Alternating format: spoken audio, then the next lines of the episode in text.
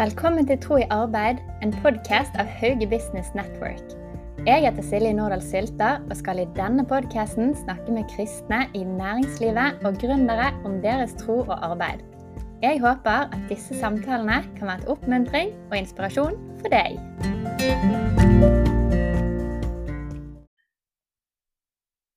Velkommen til Tro i arbeid-podden. Og i dag så er jeg i butikken til Stig Solli i Knarvik. Veldig kjekt å være her. Tusen takk for det. Og i dag så skal vi få lov å bli litt bedre kjent med deg og din tro og din arbeidsreise. Mm. Så kanskje du bare kan begynne å fortelle litt om hvem du er?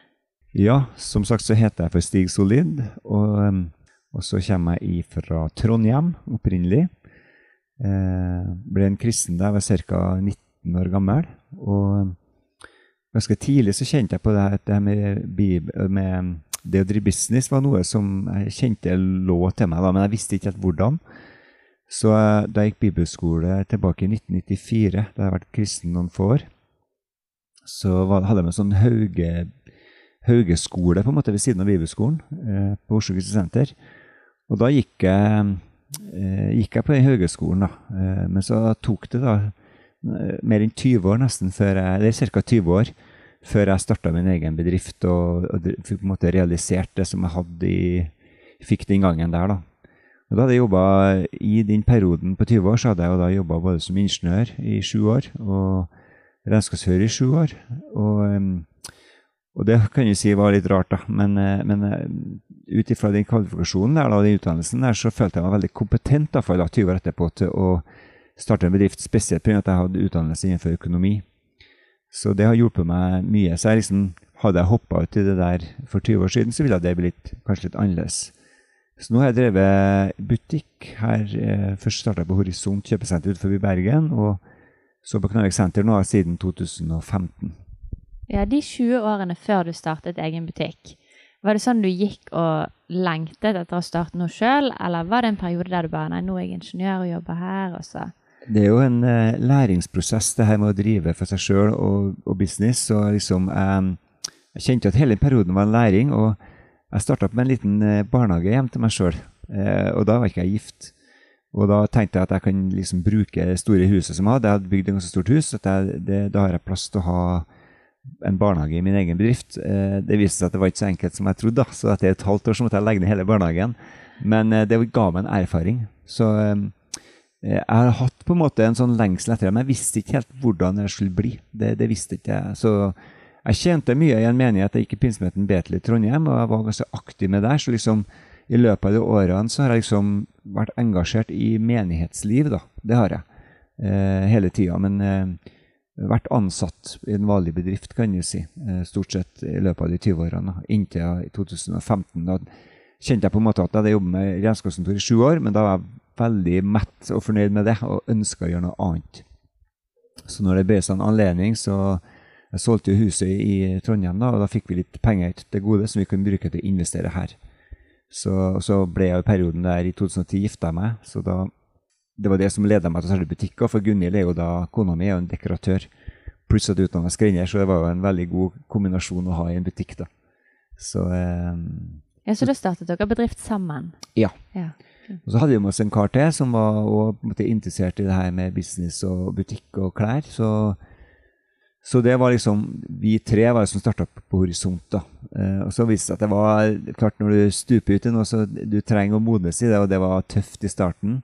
Så nå har det gått noen år, og nå begynner vi å få litt mer dreisen på det. Men eh, det var noen magre år i, i, til å begynne med. Men vi hadde da oppspart kapital, så vi på en måte Gud har forsørga for oss i løpet av perioden med at vi liksom hadde alltid hatt nok på en måte penger. og sånn da. Selv om vi investerte mye i bedriften, så hadde vi nok til å liksom klare å overleve. Men klart, det første året når vi starta butikk på Horisont, så var jo det vi, tok, altså vi gikk i minus. da. Ingen lønn. Rett og slett vi tapte penger.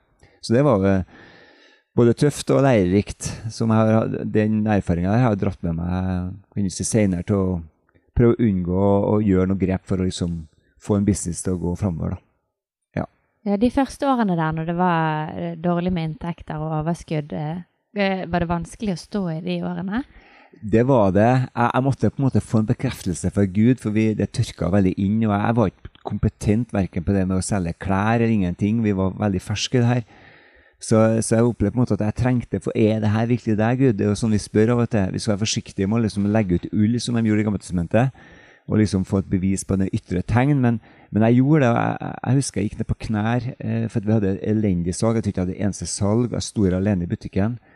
Så bare ba jeg til Gud sånn, nesten klokka halv åtte eller halv ni på kvelden, og vi skulle stenge om ikke så lenge. Så bare gikk jeg ned bak på lageret, bare gikk ned på knær, så jeg bare ba til Gud må du sende noen eh, i butikken som jeg kan selge til, for at jeg, jeg følte meg så desperat. Så bare Gud, gi meg et tegn på at det her er det, med at du sender noen i butikken nå. For jeg får et salg, iallfall, liksom. Og før jeg rakk å nesten stå opp fra mine knær, og så var det kommet en kunde i butikken, og da var det en kristen som kjøpte min Jeg solgte min første dress til. og det er dress kan du si som er mest penger på, da. Så det var som et lite sånn tegn da, som gjorde at jeg på en måte ga meg en tro på at Gud er med i det prosjektet her. Så eh, ja. Men jeg måtte på en måte gå veien sjøl. Gud hjalp meg, men eh, jeg måtte dra til meg den lærdommen selv. da. Jeg må liksom gå veien sjøl, har jeg oppdaga.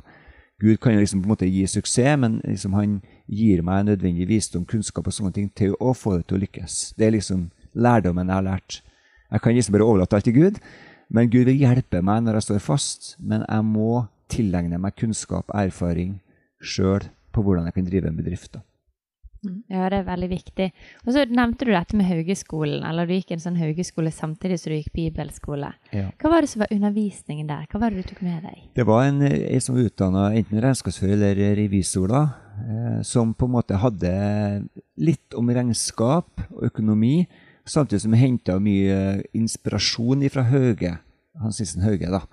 Så det var, den het Haugeskolen. Det, men, men, det var fokus på økonomi, og nå er det så mange år tilbake at jeg husker nesten ikke hva som er undervist. Så det, det, var på et ganske enkelt nivå, for det var jo også for oss bibelskoleelever som ikke hadde all verden til bakgrunn. Så det var, det var, ikke noe avansert økonomi og sånne ting, men, men det var en inspirasjon da, for meg. Som om ikke jeg sitter igjen så veldig mye i dag, så var det en inspirasjon på at Hauge fikk jeg lære en del om. Og han har jo reformert det her landet, så derfor så ble jeg veldig obs på at den mannen der, han, eh, han er en mann og verdt å lytte til. Så akkurat nå så driver jeg og leser av en Hauge, eh, som jeg har noen bøker som eh, ligger attmed senga mi, som jeg kikker litt i av og til. Eh, To-tre bøker, faktisk. Så han er jo en, fremdeles den dag i dag er en inspirator for oss eh, mange. da. Ja, Veldig fint. Var det naturlig for deg da pga. denne skolen og sånn, å koble troen til arbeidet hele veien? Eller har det vært eh, en, en utvikling her? Jeg var jo veldig forankra i menighet, og, og, ble jo veldig sånn eh, radikalt frelst som 19-åring. Så, så si for meg så har det aldri vært aktuelt å liksom gå ut i verden og bare tjene penger. Det er liksom, Jeg opplever at motoren og det drivkraften må være at du skal være der Gud ønsker at du skal ha deg, og at du skal være et salt i lys i verden. Eh, og det vil jeg forsøke. kan jeg si, Selv nå det går mye bedre og liksom pengene flyter på, så jeg opplever at Gud advarer meg at jeg ikke må miste fokuset. For jeg har jo sett en del kristne som har på en måte blitt suksessrike, men så har de på en måte mista litt gløden. Og det er lett for at en kan bli så opptatt av Og jeg er veldig opptatt i Starta jo en ny butikk her i, rett før jul, så da blir en veldig veldig opptatt med ting. Og det kan ta liksom litt fokuset bort fra det vi egentlig, egentlig er kalt det, nemlig å være et salt i lys i en verden. Og, så det, det, kjenner jeg på en måte er Uansett hva jeg holder på med, så er liksom, eh, det er det som er kallet mitt. Til å gjøre folk til disipler, som Jesus sa, og til å, og på en måte være med og jobbe for at evangeliet skal bli spredd ut. da. Så det, det, det må jeg bare passe på at ikke på en måte jeg mister fokus på. Ja, hvordan klarer du å gjøre det i en bedriftskontekst? Jeg tenker jo det at uh, vi ber jo hver eneste dag. Jeg forsøker liksom som uh, Daniel Jeg har en ganske travel hverdag. Uh, men Daniel var i Bibelen da, bodde jo i Babylon og var tydeligvis en person som hadde ganske mye å gjøre.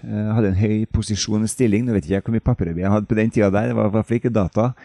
Men tydeligvis så var han en som hadde en viss posisjon og ansvar, vil jeg tenke. da. Men han brukte tre ganger om dagen på å søke Gud. Og jeg tenker at jeg tar meg sjøl i det her. at eh, Hvis at han kan gjøre det, så kan jeg òg gjøre det i min travle hverdag. At jeg trenger kanskje ikke bruke så mye tid hver gang. Og bruke liksom, Det er ikke sikkert jeg får tid til å bruke en time på morgenen hver dag, og det gjør jeg veldig sjelden. men jeg kan bruke tid i løpet av dagen. Jeg har alltid med meg et lite bibelvers som jeg skriver ned, gjerne som jeg har i lomma, som jeg kan tenke på. Og det, det på en måte gjør at jeg holder meg hele tida i fokuset på at det her, det, det, det er Guds ord, det er bønna som skal på en måte hjelpe meg og drive meg fram. da. Så, og da ber jeg gjerne om at jeg må møte på folk i butikken og kan være til velsignelse for mennesker jeg møter på min vei. Selv om jeg er opptatt, selv om jeg har travle hverdager, så er det ingen unnskyldning for å på en måte søke Gud hver eneste dag, flere ganger om dagen, og liksom være Prøve å være så mye som mulig tilgjengelig for hva Gud kan si til meg, da. Ja, hvordan opplever du at Gud leder deg i arbeidshverdagen? Eh, nå har ikke jeg noe så veldig mange meritter å vise til, men jeg opplevde noen ting i butikken som har vært veldig oppmuntrende. Eh, eh, og jeg husker Da jeg starta butikk i 2015, så hadde jeg en, eh, en kunde som kom innom. Han var deprimert. Vi, han kom stadig vekk innom. Vi, liksom, jeg er jo glad i å prate med folk, så kom prata ikke med Gud og sånn. Jeg er ikke den som kanskje er så frimodig til å starte liksom, en samtale med det, men, men etter hvert så utvikla han en relasjon. da. Og En dag så var jeg i fase jeg vet ikke, Vi har faste to, to, ganger i året i menigheten, så jeg tror det her var i januar. Jeg husker ikke helt, men jeg, eh, da var vi i faste og bønn i menigheten, og jeg fasta akkurat da. Og da opplever jeg ofte at jeg er litt mer sensitiv. Slik at Da kom han karen inn, og da var jeg liksom eh, alle Jeg var veldig sånn eh, nidkjær og ja, frimodig, da. Så da kom han og var veldig deprimert. Eh, kom inn i butikken eh, på Horisont, og så sa jeg nå skal jeg bryte forbannelsen over livet ditt, se. Jeg hørte meg nesten sa noe som jeg syntes var veldig litt sånn strange sjøl, og han ble jo litt sånn eh, perpleks sjøl. Så gi meg handa i, så skal jeg be for deg. Uh, og han trodde jeg var en kristen engang, så han var jo ikke det. Så jeg bare ba for han bryter forbannelsen over livet ditt, for det var veldig mye forbannelse i livet til han. da. Som jeg leser om i Gamletestamentet og Nytestamentet, for så vidt. Så jeg brøt forbannelsen over livet til han. Og han ble helt stor i øynene. og så, Er jeg blitt frelst nå? sa han. Nei, det er jo ikke blitt, seg, men det skal bli nå. Så nå må jeg gi meg hånda en gang til. Så ba vi en frelsesbønn sammen her i butikken mens kanskje kundene gikk forbi. Jeg var, jeg var veldig frimodig. Eh, lang historie kort. Han har jeg fremdeles kontakt med. Eh, nå har eh, det gått mye bedre med han. Eh, Dattera, som var et kjempestort problem for han, har fått seg en veldig flott stilling og blitt promotion og alt mulig. Og han sier det til meg senest i går, han prata med at ja, det var den forbannelsen sa han, som ble brutt. Så, eh, så klart, eh, selv om vi står i butikk, så treffer vi på masse folk. Så det byr seg mange anledninger til å ha gode samtaler, og det har jeg dann og vann. da. Spesielt når jeg ser folk som går for med kors så jeg var ofte litt frimodig og sa ja, du går et fint kors, og det er ikke bestandig de er kristne, men det gir meg en adgang til liksom å få en naturlig prat. Altså det, det må være, føles naturlig for både meg og for den som er i butikken, så det ikke blir liksom sånn at de går og prater med meg at liksom, de ikke vil at jeg skal sant? Det, det der må man jo trenge litt visdom til å gå fram på en riktig måte. da. Men ofte så er folk veldig åpen for å ha en liten samtale om tro og sånne ting. Det opplever jeg som ikke noe problem. Ja, nå ble jeg egentlig nysgjerrig på flere ting. og Det ene det er det når du sier forbannelse over livet. Det er jo noe mange er litt sånn forsiktige med å bruke, sant? det ordet forbannelse og sånn. Men hvordan erfarte du, eller greide du å identifisere at det var noe i livet hans der? Ja, I Norge så er jo ikke vi, det er jo en lang historie der, da, og jeg skal være forsiktig med å si jeg har ikke full innsikt på det her, men, men, i Norge så snakker vi om, snakker ikke om det, men jeg har vært en del i Afrika og sånne ting, og der er det jo helt tydelig at der snakker de om forbannelse. De ser også enkelte på en måte som lever i forbannelse i form av at de har problemer i slektsledd da, eh, og sånne ting. Men det som skjedde med han her, var ganske spesielt. da. Altså, jeg følte meg leda til å gjøre det. Det var kanskje eneste gangen jeg gjort det. Så jeg er ikke noe sånn på det her, men jeg gjorde det den gangen der. Mens jeg fasta og ba. Og frukten av det ble at han ble Han, han, fikk, han, han sleit med depresjon. Dattera hadde masse problemer. Og i dag så er han en helt annen person. Og han sier selv at det hadde med forbannelsen å gjøre. Eh, han hadde jo da vokst opp med masse mobbing og hadde et trasig liv. Han hadde gått ganske bra med men han var uføretrygda og var sant. Så nå, nå, opplever han at det har virkelig snudd. da. Så du ser iallfall altså, En kan jo lure på om det her er riktig eller ikke, men i, fall, i hans tilfelle så, så ga det en veldig positiv forandring. Og jeg kjente meg ledet av Gud til det, så derfor så på en måte tror jeg at det jeg gjorde, var riktig. Ja, da hadde de noen utfordringer i generasjoner på en måte, og de kunne se tilbake. Ja, i hvert fall så levde han, kan du si, eh, eh, i en verden hvor det var mye vondt og trasig, både i, i hans datter og i sitt eget liv, med med negativitet. da, eh, Veldig dårlig sjølbilde og som sagt angst, depresjon og sånne ting. Og det, har, det var ikke liksom sånn pang, så er det ferdig, men nå har det gått ganske mange år siden, kanskje fem, seks, sju år, og det har, det har skjedd en markant forandring. Så eh, jeg kan nevne at eh, det her er jo kanskje litt feil av meg å si, men jeg tør å si det, at eh, kjæresten til hun dattera da var jo Det var veldig problem med han, da. Eh, men, eh, men til min store Jeg, jeg ble veldig overraska sjøl. De hadde reist på sydentur sammen, hele gjengen. Og, og de har blitt gode venner. Så, og de var, det var Han hadde brutt seg i huset deres, for å si det sånn. Så det var ting som hadde skjedd som ikke var bra der, men eh, nå har de eh, fått en helt Det er blitt en totalt annen virkelighet for han. Så eh, fremdeles møter han på en utfordring av livet, men på langt nær det som var. da. Mm. Det er fantastisk òg den evnen du har til å se da, kundene dine og bygge nære relasjoner med noen av dem. Mm. Og det er jo sikkert en av de på en måte, gavene med å kunne jobbe i butikk, da, det å kunne bygge relasjoner. Opplever du at mange som kommer innom um, er åpen eller ønsker å bli snakket med, sett? Ja, jeg opplever det. Eh, problemet mitt faktisk litt nå er at det, har er blitt så travelt at eh, jeg, jeg klarer ikke helt å, å, på en måte ha så lange samtaler i butikken lenger. Jeg håper jeg kommer tilbake dit. Men vi har også andre ansatte her da, som på en måte er gode til å prate. Men jeg opplever på en måte at eh, jeg har veldig mange gode samtaler med mennesker. Og det som ligger, på en måte skal være i ryggmargen min, det er at eh, jeg jobber i psykiatrien. Jeg jobber med rusmisbrukere alle mennesker uansett skal få min respekt. Om de kommer inn og henger litt og tar tida mi, så det er ingen som skal føle at de blir oversett eller på en måte uglesett eller noe sånt pga. at de er sånn eller sånn. Jeg opplever at Det er Det jeg jobber med, men det er alle mennesker fortjener å få min respekt. Og det håper jeg at på en måte det avspeiler butikken nå, at alle som kommer inn her Jeg har jo noen som faster innom som har slit med ting og tang som kommer hit inn, og hvis jeg sitter bak her, så spør de om jeg kan komme ut i butikken for å bare slå en prat. Det er ikke bestandig de prater så lenge, men, men, det håper jeg, og det jobber vi for, at uh, folk skal sitte igjen med et inntrykk av at her er det godt å være, her, her blir jeg møtt med respekt. Her blir ikke jeg jaga ut selv om jeg er litt sånn klengete eller hva måtte være. Her, her, får vi på en måte en uh, dose av kjærlighet, alle sammen som kommer inn. Selv om vi kan overse mennesker, vi kan gjøre feil, så er det på en måte det vi jobber for, at vi skal vise alle mennesker respekt. Ja, Dere har jo tilrettelagt litt for sånn sosiale rom i butikken òg. Jeg har sett dere har en kjøkkenkrok her. og... Ja.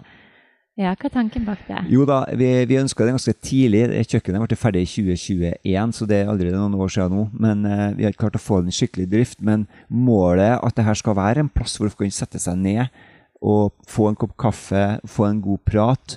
Uh, og at jeg har kanskje folk her som, som, ønsker å komme i dialog med mennesker. da.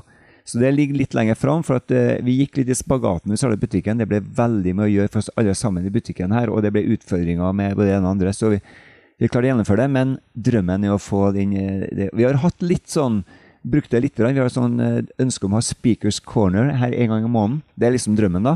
Hvor vi har litt sånn happenings, hvor vi har på en måte noe som skjer her. Som 8. mars hadde vi invitert uh, på kvinnedagen så hadde vi invitert ordfører eh, Astrid som var her, og det ble en liten sånn sak i avisa om det. da, Speakers Corner, hvor de snakka litt om kvinnedagen inn i butikken, faktisk. Så aktiviteter, der har vi jo Elin Mosevold som jobber til oss, som er veldig flink til å gjøre sånne aktiviteter som skaper litt eh, ja, eh, aktivitet, eller sånn positivitet også. Vi har også eh, begynt med noe som heter Skravlekoppen, som er en sånn eh, greie som foregår i Norge nå, hvor de eh, har en kopp som det står Skravlekoppen på for å invitere mennesker som for å sette seg ned og skravle litt. Eh, ha et kontaktpunkt. Så det, det, er jo flere ting vi jobber med. Eh, det er liksom at vi, vi har vært så engasjert alle sammen at vi klarer liksom ikke vi evner ikke bestandig å gå så fort fram som vi ønsker det, men, men det er flere ting vi ønsker nå å, å få iverksatt da, i butikken. For å komme i kontakt med flere mennesker. Ja, det er jo så fint, for vi har en stor utfordring i Norge. Vi hører det igjen og igjen i avisene og i media at veldig mange er ensomme. Mange har få relasjoner. Vi har mye mindre sosiale rom ja. i det norske samfunnet. Og butikkene var jo et av de stedene før der man hadde eh, kanskje mer sosiale relasjoner og ble kjent med folk. da. Mm. Så litt stilig at dere, eller sånn som jeg ser det, da, at dere tar noe av det tilbake. Vi prøver hvert fall det så godt vi kan, og vi, vi har uh, sett det at det er mange som er ensomme, og som tar kontakt med oss. Så vi ønsker kanskje å ha en, en bedre kvalitetssamtale med dem, da. For de, eh, bare vi viser et menneske kjærlighet og respekt, så da er det mye enklere å komme inn på det med tro etter hvert. Men det er ikke sikkert vi starter med det. For da kan vi liksom, Det er noe med å være en liten uh, smart fisker som skal liksom bruke de rette agnene for å liksom få, krog, liksom, få fisken til å bite. Så her må vi gå litt uh, klokt fram, men jeg føler at vi har funnet en, en god måte å gjøre det på. Slik at uh, vi, vi, skal liksom bare utvikle det der mer og mer og mer. Liksom, nå har vært i, Siden april 2021 starta vi den store butikken. Vi har drevet butikk her siden 2016. Men vi utvida 2021, og nå heter vi for Ladies and Gentlemen, så da har vi en mye større butikk, så det har, vært, det har vært veldig krevende for alle oss. da. Men nå begynner vi å komme dit hvor vi liksom virkelig kan få sving på butikken, og da er det kanskje lettere å få både økonomi og forskjellig til å gjøre litt mer sånn type stunt. da. Mm.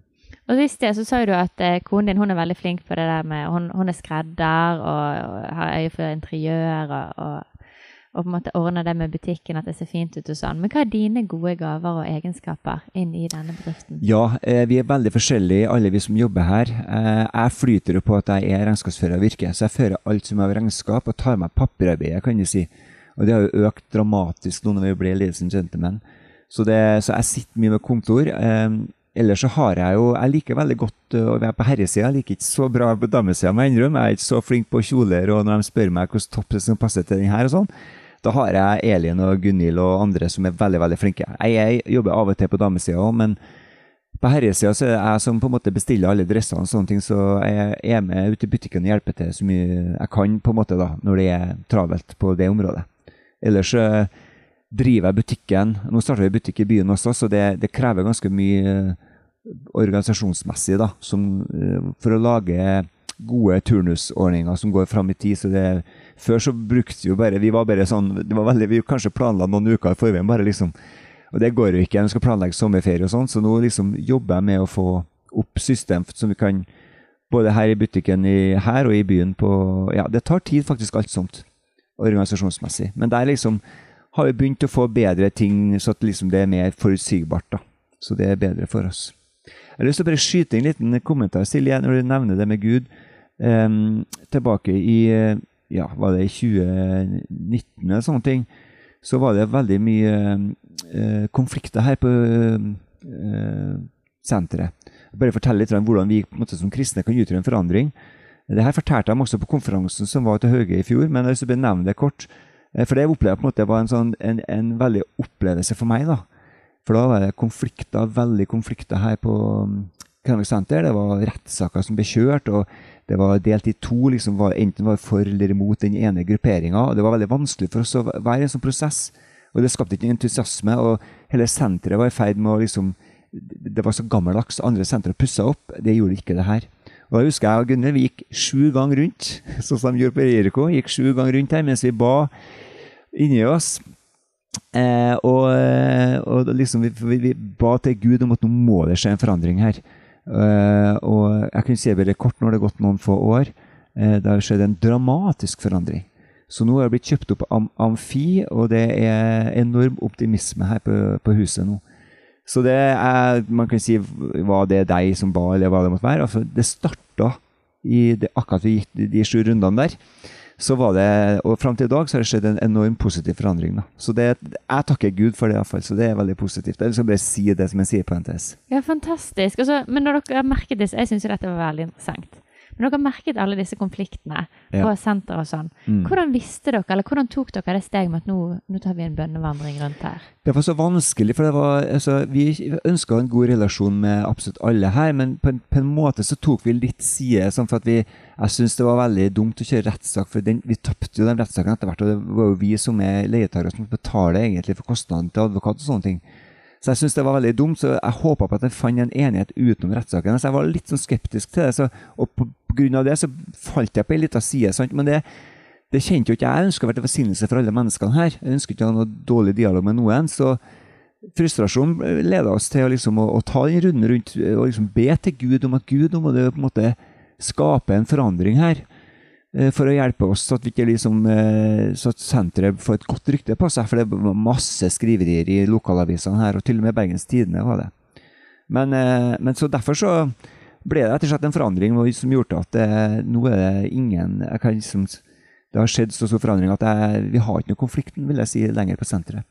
Så det alle bare på en måte smiler. Vi har våre utfordringer, selvfølgelig. og Nå var jo høy strømpris, sant? og vi fikk ekstraregning som ingen likte fra ledelsen. og sånne ting, Så det kan jo skje, men det er ikke noen dype konflikter lenger. De er begravlagt, og de kommer aldri til å eksistere noe mer pga. at det er omstrukturert hele Når det er Amfi som eier oss. Før så var det veldig mange forskjellige eiere. Fremdeles er det noen eiere som eier bygningsmassen, men ikke driftsavtalen, så jeg forholder meg kun til Amfi. Og Det er jo en profesjonell aktør som har drevet med senter rundt omkring i Norge i mange år, som ja, vet å drive senter. Så nå har vi fått fylt opp lokaler som har stått tomme i mange år. Det er liksom en optimisme her. Vi har pussa for mange, mange millioner. Så mange nå, liksom, før at liksom, det var ingen ville komme hit, så var det liksom sånn at Eller de fra litt eksterne, da. Mange kom jo før òg. Men nå ser vi at nå begynner liksom å bli koselig å komme til Knarvik senter. Så det, det har snudd, vil jeg påstå. Så det, var, det er veldig veldig positivt for oss som driver butikker her. Jeg så jo barna kom gående, og det var sånn koselig lekekrok der. Jeg tenkte der kan jeg ha med ungene. Stemmer. Ja, det har snudd. Mm. Det er jo fantastisk bønnesvar, da. Det er veldig. Men det, være, eller det er jo en av de vanskelige tingene som eh, du, Når man er kristen, man ønsker å ære Gud med bedriften, man har lyst til å bety en forskjell, nestekjærlighet, og så står man plutselig i konflikt som er på en måte utenfor seg sjøl. Det er jo da man virkelig blir testet. og kan være vanskelig. Jeg har lyst til å fortelle en bitte liten sak til. Eh, og det var det at eh, Vi er jo deltatt på en bryllupsmesse som er hvert eh, eneste år. Og da var det sånn at ett år så ble det vist undertøy.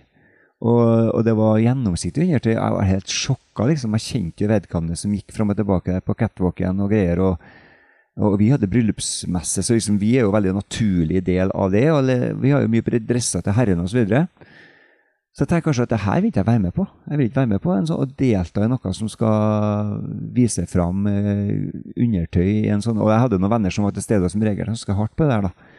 Eh, man kan si at jeg er veldig konservativ, men jeg, året etterpå så sier jeg at eh, jeg kan gjerne bli med på bryllupsmessa, men da vil jeg ikke at det skal være noe catwalk med noe undertøy. Og jeg kjente at det kosta meg så mye å si. Jeg var liksom, Kjære til hvem er du for noe, liksom? Fra steinalderen, liksom? Eller, sant? Men så hørte jeg ingenting fra dem. Jeg tror jeg sendte det på en mail til dem først. Så kom to damer til meg og skulle planlegge liksom sånn, og bare spørre om et spørsmål. Og jeg var litt sånn skeptisk. Ja, sa jeg. Ja, og liksom sånn mm. Ja, ja, det med, sa det, det med catwalk, det, det undertøy Nei, det blir ikke noe av det. det så det blir noe Og så fortsatte de, da. Så tenkte jeg yes. Der fikk jeg iallfall den inn, så det var jeg glad for. Så eh, det er liksom sånn lite bevis på at vi kan som kristne være med på å påvirke. Om det ikke var så stort, så det er bra nok for meg til å tenke at da kan jeg være med på å påvirke det omgivelsene rundt meg. Jeg opplever jo at du er en som påvirker både med butikken, men òg utover i Nord-Hordaland. Du har jo startet noen egne samlinger for andre folk i næringslivet òg i, i Nord-Hordaland. Andre kristne. Hva er det som har motivert deg eh, til det? Altså Helt tilbake, som jeg sa, for 1994 så fikk jeg jo undervisning om nazisten Hauge. så og jeg har lenge lenge tenkt på det. Jeg starta min egen bedrift også i 2015.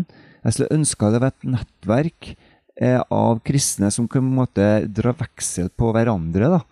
Eh, og kanskje til og med selge tjenester til hverandre. altså vi, Det skal gjøre godt mot alle, sier Bibelen, men mest mot troens egne folk. Så hvis at jeg nå på en måte hadde, skulle kjøpe noen IT-tjenester, eller kjøpe et eller annet sånn, så hvis jeg visste at det var en kristen bedrift der, så ville jeg fortrinnsvis velge dem enn andre. Og å ha et nettverk innenfor den segmentet der, det syns jeg var veldig interessant. Jeg har vært med i sånn full business, eh, eller full gospel businessman, men der var det jo på en måte kristne som ba, og som på en måte var mer som pastorer og ledere og sånn type ting. Det var ikke så mye forretningsfolk i det segmentet som jeg ønska, da. Høye Business er jo for forretningsfolk som driver egne forretninger, stort sett, og som på en måte har et nettverk for, eh, for folk, folk som driver business. da. Så det er et veldig interessant nettverk. Og allerede nå, så, nå nylig så fikk jeg faktisk oppringning fra en som er med i Hauge-nettverket oppe i Ålesund. Som ville da selge meg en tjeneste som har akkurat det jeg trenger i bedriften, med timeregistrering og sånne ting. Og jeg sa ja med en gang, og jeg var så glad for at han tok kontakt. Og jeg kan være med på å velsigne hans bedrift, og han kommer med produkt til meg som egentlig er skreddersydd helt perfekt, og ganske rimelig også, for min bedrift. Så det, det er en vinn-vinn-situasjon. Derfor så har jeg starta opp med en liten avdeling i min bedrift. da. Jo ikke bestandig jeg har så mye god tid, men sånn en gang hver måned eller annenhver måned så har vi en liten samling her fra klokka halv ni til ti ved åpne butikken. hvor vi prøver å være en liten gjeng med folk, forretningsfolk rundt i distriktet som kan samles i bønn og inspirasjon. da. Så det syns jeg er veldig kjekt. Mm. Ja, og det er veldig gøy å høre, for det er jo noe av det vi òg drømmer om som Haug Business Network. At det skal bre seg sånne vennenettverk eller grupper rundt omkring i landet som kan oppmuntre hverandre da, i å Mm. stå i forretningslivet og søke Gud og ære Gud i det. Er det noen andre ting som har vært eh, liksom spesielt vanskelig for deg inn i næringslivet? Ja, jeg har jo oftest følt meg veldig alene da, med mine problemer. sant? Så det, det, det du, Når du driver forretning, så kan du jo svinge Det kjenner alle som i business, det kan svinge opp og ned. og Av og til så går det så langt ned at du føler liksom at du, du skjelver i beina. Så klart, da, da er det godt å få folk rundt seg, folk som ber, og kan på en måte eh, du henter støtte ifra. Så det, det har vært veldig kjekt, og, og det er jo det som er poenget med Høyre Business Network. Og tror jeg at de, eh, jeg vet at de ber for meg, og de støtter meg, og de taler vel om bedriften. Og klart, det er, det er veldig betydningsfullt at vi står sammen. Jeg pleier å si det sånn at kristelivet skal ikke være sånn at du er en, en solomann. Du, hvis du, jeg har vært veldig mye i mine unge år på, veldig ivrig i mm, jakt og fiske. Og tente opp bål var liksom artig på fjellet. Og jeg la merke til at hvis du laga til med en sånn fire-fem kubber et godt bål, og fikk du skikkelig fyr på det, så tok du en kubbe bort, så døde den kubben ganske fort. Mens de andre den kanskje minka litt, men de, men de på en måte fortsatte å brenne. da. Og jeg tenker at Hvis du hiver den kubben opp igjen i bålet, så vil den på en måte få fart på seg igjen. Og jeg tenker at Sånn er det med oss kristne, at vi, vi er ikke laga for å være på en måte helt alene. Når vi liter opp mot det andre, så kan jeg gi varme til den andre, og vice versa. Vi bygger hverandre opp. Så jeg tenker at jeg er helt avhengig av å ha andre som jeg kan støtte meg på, hvile meg mot, ha mentorer som kan hjelpe meg både i bønn og praktiske ting. Og det har jeg opplevd konkret, som har vært en veldig stor velsignelse for meg. Så eh, det er ikke noe sololøp. Jeg er flink på noe, men jeg må innrømme at jeg er ikke flink på alt. Og da trenger jeg noen som utfyller meg. Og, og da er jeg avhengig av andres hjelp. Og det kan føles litt ydmykende, men, men det Sånn fungerer Kristi legeme, syns Kristi kropp, at vi ikke er noen eksperter på alle områder, men vi er på en måte lemmer som kan på en måte velsigne hverandre i det vi gjør. da. Veldig spennende. Mm. Og så nå når du ser litt sånn tilbake på eh, arbeidslivet ditt så langt, og troen så langt, eh, hva er det du sitter igjen med? Jeg sitter igjen med at uh, Gud har en god plan, en nøye uttenkt plan. Og når jeg bare følger kan jeg si, den planen der, så vil jeg lykkes. Selv om det kan, stå, kan være tørkeperioder, så er det noe med å holde ut og vite at det er Gud som er med deg. Det er mange som kanskje kan gi opp på veien og føle at det liksom blir for tungt. Men jeg tenker at det å på en måte være i Guds plan For den, eh, jeg har vært ute av Guds plan i mitt liv noen gang, og det, det oppleves som på en måte at du... Jeg husker jeg bodde en plass en gang, og da var det som at mine bønner de nådde til taket, og så kom de ned igjen. Jeg, jeg kom ikke gjennom, liksom. Det var som en sånn kobbergreier som gjorde at jeg men, men når jeg kom ut av på en måte det, den plassen der og kom inn i Guds plan igjen, så var det på en måte som lufta ble rensa. Og, og det er noe som jeg har lært, at uh, for å komme inn i Guds plan, så må jeg bruke mye tid i både i bønn og i Guds ord. For å være leda hver eneste dag. For hvis jeg bommer litt på det her og litt sånn kompromisser litt, så kan man komme bort fra Guds plan. Så det ser jeg at Gud hadde en plan til meg allerede før, da jeg ble frelst i 1990 ca. Og fram til i dag. Men at jeg har gått mye omveier, kan du si. Jeg har gått noe sjøl og omveier, men at Gud har måttet på en måte brukt den tida der, de 20 årene, da, til å gjøre meg i stand til å komme dit eh, hvor jeg er i dag. Og nå føler jeg som at jeg kan kanskje ekspandere etter hvert når jeg liksom får virkelig ting satt i system. Og da kan Gud gjøre mer på fem år enn altså Hvis ikke jeg brukte de 20 årene på å forberede meg Det blir litt sånn som han som starta Egget sant? Eh, eh, i Hauge Aqua. Og, og når en Cato fikk den visjonen, så var det ikke liksom i morgen så sto egget der. Det, det gikk mange år før det er realisert, og nå først er det realisert. Nå begynner de å få det til å fungere. Og sånn var det meg òg, at eh, ting kan ta tid. Men over tid så vil Gud Og langs den veien her så jobber Gud med oss. Og vi må gå gjennom en del eh, motbakker og sånne ting. Sånn er det i kristenlivet. Men med at vi blir mer og mer avhengig av Gud, lærer Gud å kjenne, så vil Gud åpne de nødvendige dørene.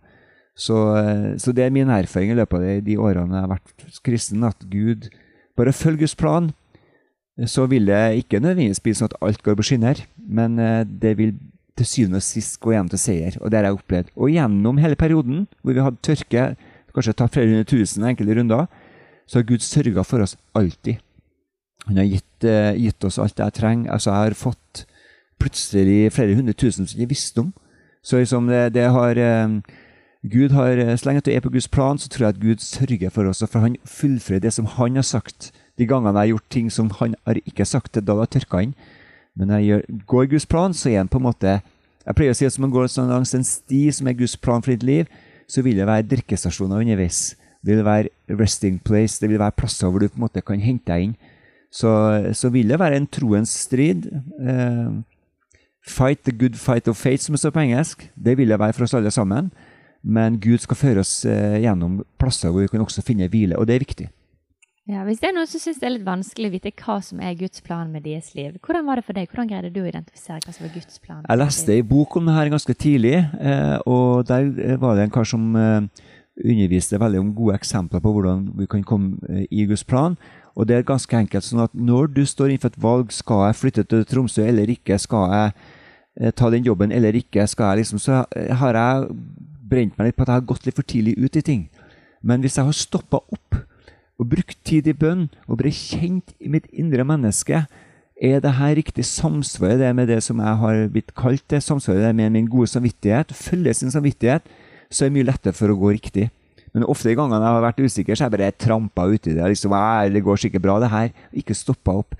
Stopp opp, be helt inntil man er sikker, og la den sjansen gå fra seg. Liksom, og du må ta en beslutning nå. Hvis det er stress, så tror jeg ikke kanskje Gud, Gud leder ikke gjennom stress. Gud, Gud leder oss gjennom fred på innsida og en god samvittighet. Budets endemål, står det, er kjærlighet av et rent hjerte, en god samvittighet og en oppriktig tro. Så man på en måte har en, en oppriktighet at jeg søker Gud. Jeg ønsker ikke å ha noen ambisjoner om noe lettvint greie liksom, på å tjene meg rik fort, men at jeg har et ekte hjerte som ønsker å gå og søke Herren. Ha god samvittighet til det man gjør. Det tror jeg er det beste rådet jeg kan gi hvis du er veldig usikker på om du er i Guds plan og vilje med ditt liv eller ikke. Altså, du, du er jo i Guds plan og vilje når du er frelst, men det er å følge Guds plan, da. For Gud har en spesifikk plan, en strategi for hvordan du kan komme dit. Og det trenger ikke nødvendigvis å gå den veien som jeg ønsker det. For jeg har gått eh, lurt liksom på verden. Hvorfor skal jeg først bli ingeniør, så studere økonomi? Uh, og jeg visste ikke, så har det butikk egentlig, men, men liksom det ble la seg til rette. Og sånn er det jo at uh, Gud, Vi kan ikke forutse hele den orienteringsløypa som Gud har planlagt til oss, men vi vet neste posten. Og den kan jeg på en måte bare navigere meg mot. Og da har jeg Guds ord hver dag som på en måte kan navigere meg. Så jeg er nødt til å ha et, et gudsliv hver eneste dag. Jeg kan ikke sluntre på det, for da mister jeg på en måte evnen til å lytte til Guds plan. Så hver eneste dag har jeg satt meg sjøl, det er mitt beste råd jeg kan gi til alle. Hver eneste dag må jeg bruke tid i Guds ord og i bønn. Om ikke så mye, så er det iallfall hver eneste dag, 365 dager i året, så må jeg bruke litt tid i Guds ord og i bønn. Da er det mye enklere for Gud å lede oss. Jeg har bare lyst til å si amen. yes, det er lov. Men det er veldig interessant det du sier med, med, det å følge Guds plan. Og bare det du sier at først blir du ingeniør, eh, så blir du økonom. At kanskje når vi tenker at vi følger Guds plan, at det skal være en rett kurve rett opp, men at Gud former oss ofte gjennom alle de veiene vi tar. da. At det går om på å bygge karakter, det går på å bygge ferdigheter, erfaringer, eh, som man òg seinere vil bruke til eh, Jeg tenker på Jesus Kristus, vår frelser. Han måtte være gutt på 12 år. Han var 14 år. Han leste, seg, han leste Toraen. Han lærte seg Bibelen utenat. Når han var 20 år, så var han ganske voksen. Gjorde ingen mirakler. Gjorde absolutt ingenting. Når han var 25 år, så var han en eh, helt nobody i gata. Men han gjorde sine forpliktelser. Han gjorde alt det han trengte. Når han var 30 år, da hadde han vært, da hadde han vært kan si, i tjeneste, på, eller ikke tjeneste, men han hadde vært på en måte lestegjort hjemmeleksa si ganske nøyaktig. Og i løpet av tre år så utretta han alt han gjorde, og skrev historie. Så jeg tenker at det å ha forberedelse i mange år, det er ikke ubibelsk. En del, både pastorer og alle, det gjelder ikke business, men det gjelder generelt, da, at man stuper litt ut i ting for tidlig. og Da kan man på en måte dra på seg noen skrubbsår. Men jeg tenker at hvis man venter på den rette tid Det er ikke noe å ta den lærdommen i løpet av livet, bygge karakter. Da står den så mye mer grunnfesta. Og det å løpe den perioden der når man vokser, ha noen mentorer som har gått foran, at en hele tida har noe man kan lære av, at ikke liksom skal bare dra ut liksom. Jeg har sett litt for mange som har bare hoppa ut i tjenester uten at, det, at, tiden var der. Og da har de dratt på seg noen skrubbsår. Så, så, jeg tenker det å vente til den rette tiden, det tror jeg er viktig. da. Takk for det. Et klokt råd. Mm. Tenker, hva drømmer du om framover nå? Ja, nå eh, Jeg har jo en drøm om å starte flere butikker med Endrum. Så jeg har jo liksom eh, det i magen. Det, det, fikk jeg ganske tidlig, at jeg skulle ha mange butikker. Jeg føler jo på en måte at eh, akkurat nå så må jeg nok bruke litt tid på å få i hvert fall butikken i byen, som nå har en krevende start på seg, på Exhibition i Bergen. Den trenger ganske mye omsorg akkurat nå for å få den til å vokse. Men, men drømmen min er jo å, å starte flere butikker og kunne påvirke samfunnet i forstand at jeg, jeg velger hvem jeg vil ansatte. Sånn, bare det, at det, det, er mange som på en måte trenger en god jobb eh, der ute. Det er mange som spør meg om Jeg har hatt masse søkere her, både unge og eldre, eller voksne. Men, men jeg kan sjøl stå i den posisjonen at jeg kan velge hvem jeg ansatte. Og jeg er ganske streng på hvem jeg ansatte, det, eh, i form av at de må ha eh, direkte verdiene osv. ut ifra min tro. Så det å kunne påvirke samfunnet i den grad, og, og kanskje etter hvert frigjøre både midler og penger til uh, Guds rike er jo veldig godt. Uh, jeg drømmer jo litt om å og, Jeg ser jo at det er veldig mange som kanskje ikke har så god råd. Uh, det er iallfall en drøm jeg har, hvis du spør meg om drømmen min. da. Det å på en måte ha bare liksom sånn, La oss si at det kommer en misjonærfamilie fra Afrika noen som har brent av hele livet sitt nesten der og uten noe særlig god gevinst, kommer tilbake til Norge, kommer bare bakke, kanskje ikke har noen mye pensjonsrettigheter, og kan være med på å finansiere sånne. Og hjelpe sånne til å liksom å få oppleve at Gud sørger for dem. Det har vært en drøm som jeg har hatt. Eh, jeg har ikke gjort det så mye, men jeg, har, da jeg arva noen penger, så la jeg til sies eh, noen penger på et lite fond som jeg har. på en måte. Og det Der fikk jeg beskjed om Gud, det, det er ikke dine penger. Eh, kanskje det var 20 000 kroner. Det var ikke sånn voldsomt. Men dem har jeg fått brukt, kan jeg si. Eh, for det der var liksom, de, de tør ikke jeg røve, for det, det er liksom jeg ikke mine penger. Og når jeg opplever at jeg skal gitt dem bort, så har jeg gitt dem bort. Det har vært så stor glede. Og det har ikke vært noe offer til meg heller. For de pengene her var jo ikke mine. Så, som, eh, så har jeg gitt kan du si, 5000-8000 kroner til noen som skulle reise til Afrika, eh, og ikke hadde råd noe særlig til dem. ikke blitt med hvis ikke, Men jeg ga dem muligheten. De opplevde det som en stor velsignelse. Men det var like stor velsignelse for meg å, ha, å være en kanal da, til å kunne på en måte bidra. Så, så det, jo, det, var en stor eh, for meg. Så jeg håper egentlig at jeg kommer dit hvor jeg kan bidra mer på det. Og i alt er jo det jeg gjør, er jo på en måte å, å støtte opp under Guds rike på en eller annen måte. Eh, det er liksom drømmen min. Så jeg så bygge opp et sånt eh, fond som var på noen millioner, har vært deilig. Da kunne vi liksom bare sløse ut på Guds rike her og der. Så de, dit håper jeg kommer en dag. Men først og fremst er å være bare eh, i hverdagen et eh, lys, alt og et lys til mennesker jeg møter på min vei. For klart, Jeg kan ikke liksom si at se fram til om ti år hvor jeg kanskje kommer dit, men Eh, jeg må gripe dagen i dag for å liksom se om det er noen jeg kan velsigne eller møte på i hverdagen. da. Ja. Jeg tror det er så fint det du sier òg med at du har at hvis du lykkes noe veldig med å bre ut flere butikker og du får mer økonomi, så har du på en måte det der ønsket om å velsigne andre som ikke har hatt samme muligheter eller mm. kunne gått samme veien. Ja. Det syns jeg er rørende. Ja, det høres jo kanskje Jeg skal ikke ta for mye æren av det, men jeg, men jeg opplever det. For jeg, jeg syns eh, det er noen som jobber for Guds rike, som på en måte har gitt all in. Kanskje de ikke har noen annen inntekt enn den lille pastorlønna si i en liten menighet. Og, det har vært så artig for meg liksom bare velsigne sånne mennesker.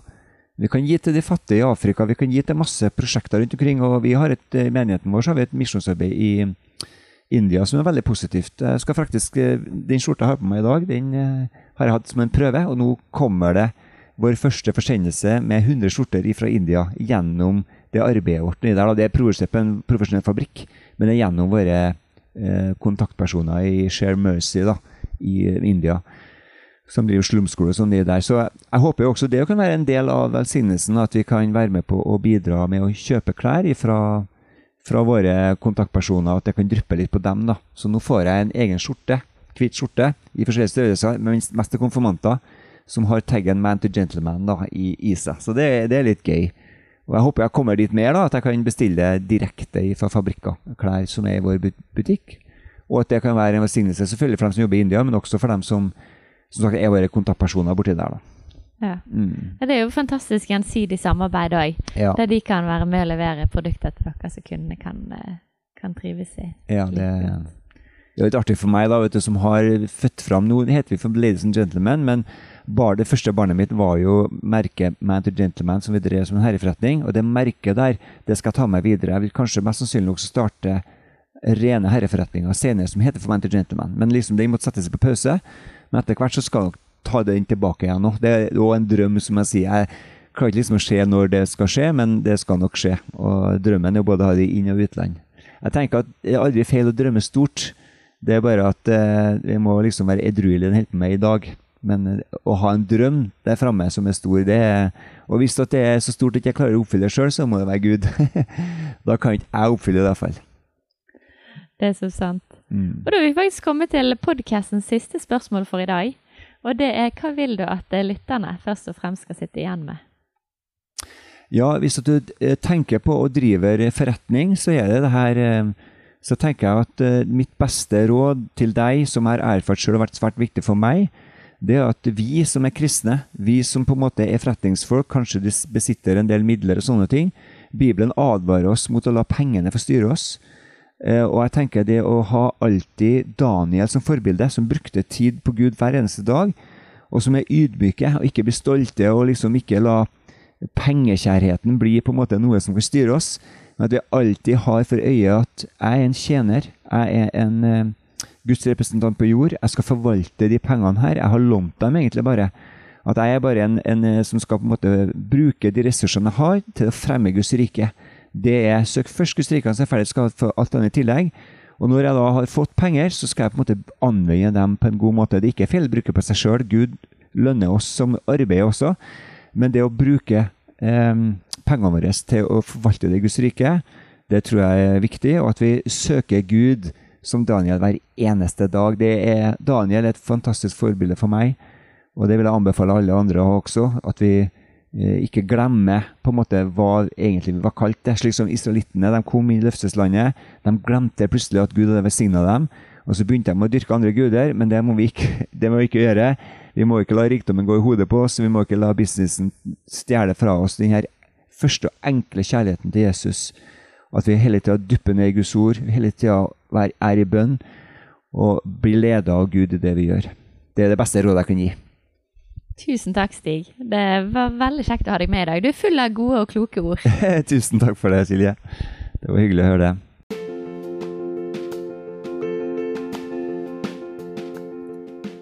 Takk for at du lytter til Tro i arbeid-podkasten. Hvis du likte innholdet, så må du gjerne dele det videre. Og Hauge Business Network vi blir alltid glad for nye medlemmer og samarbeidspartnere, så sjekk oss gjerne ut på Facebook eller nettsiden haugebusiness.no. Gud velsigne deg og arbeidet ditt.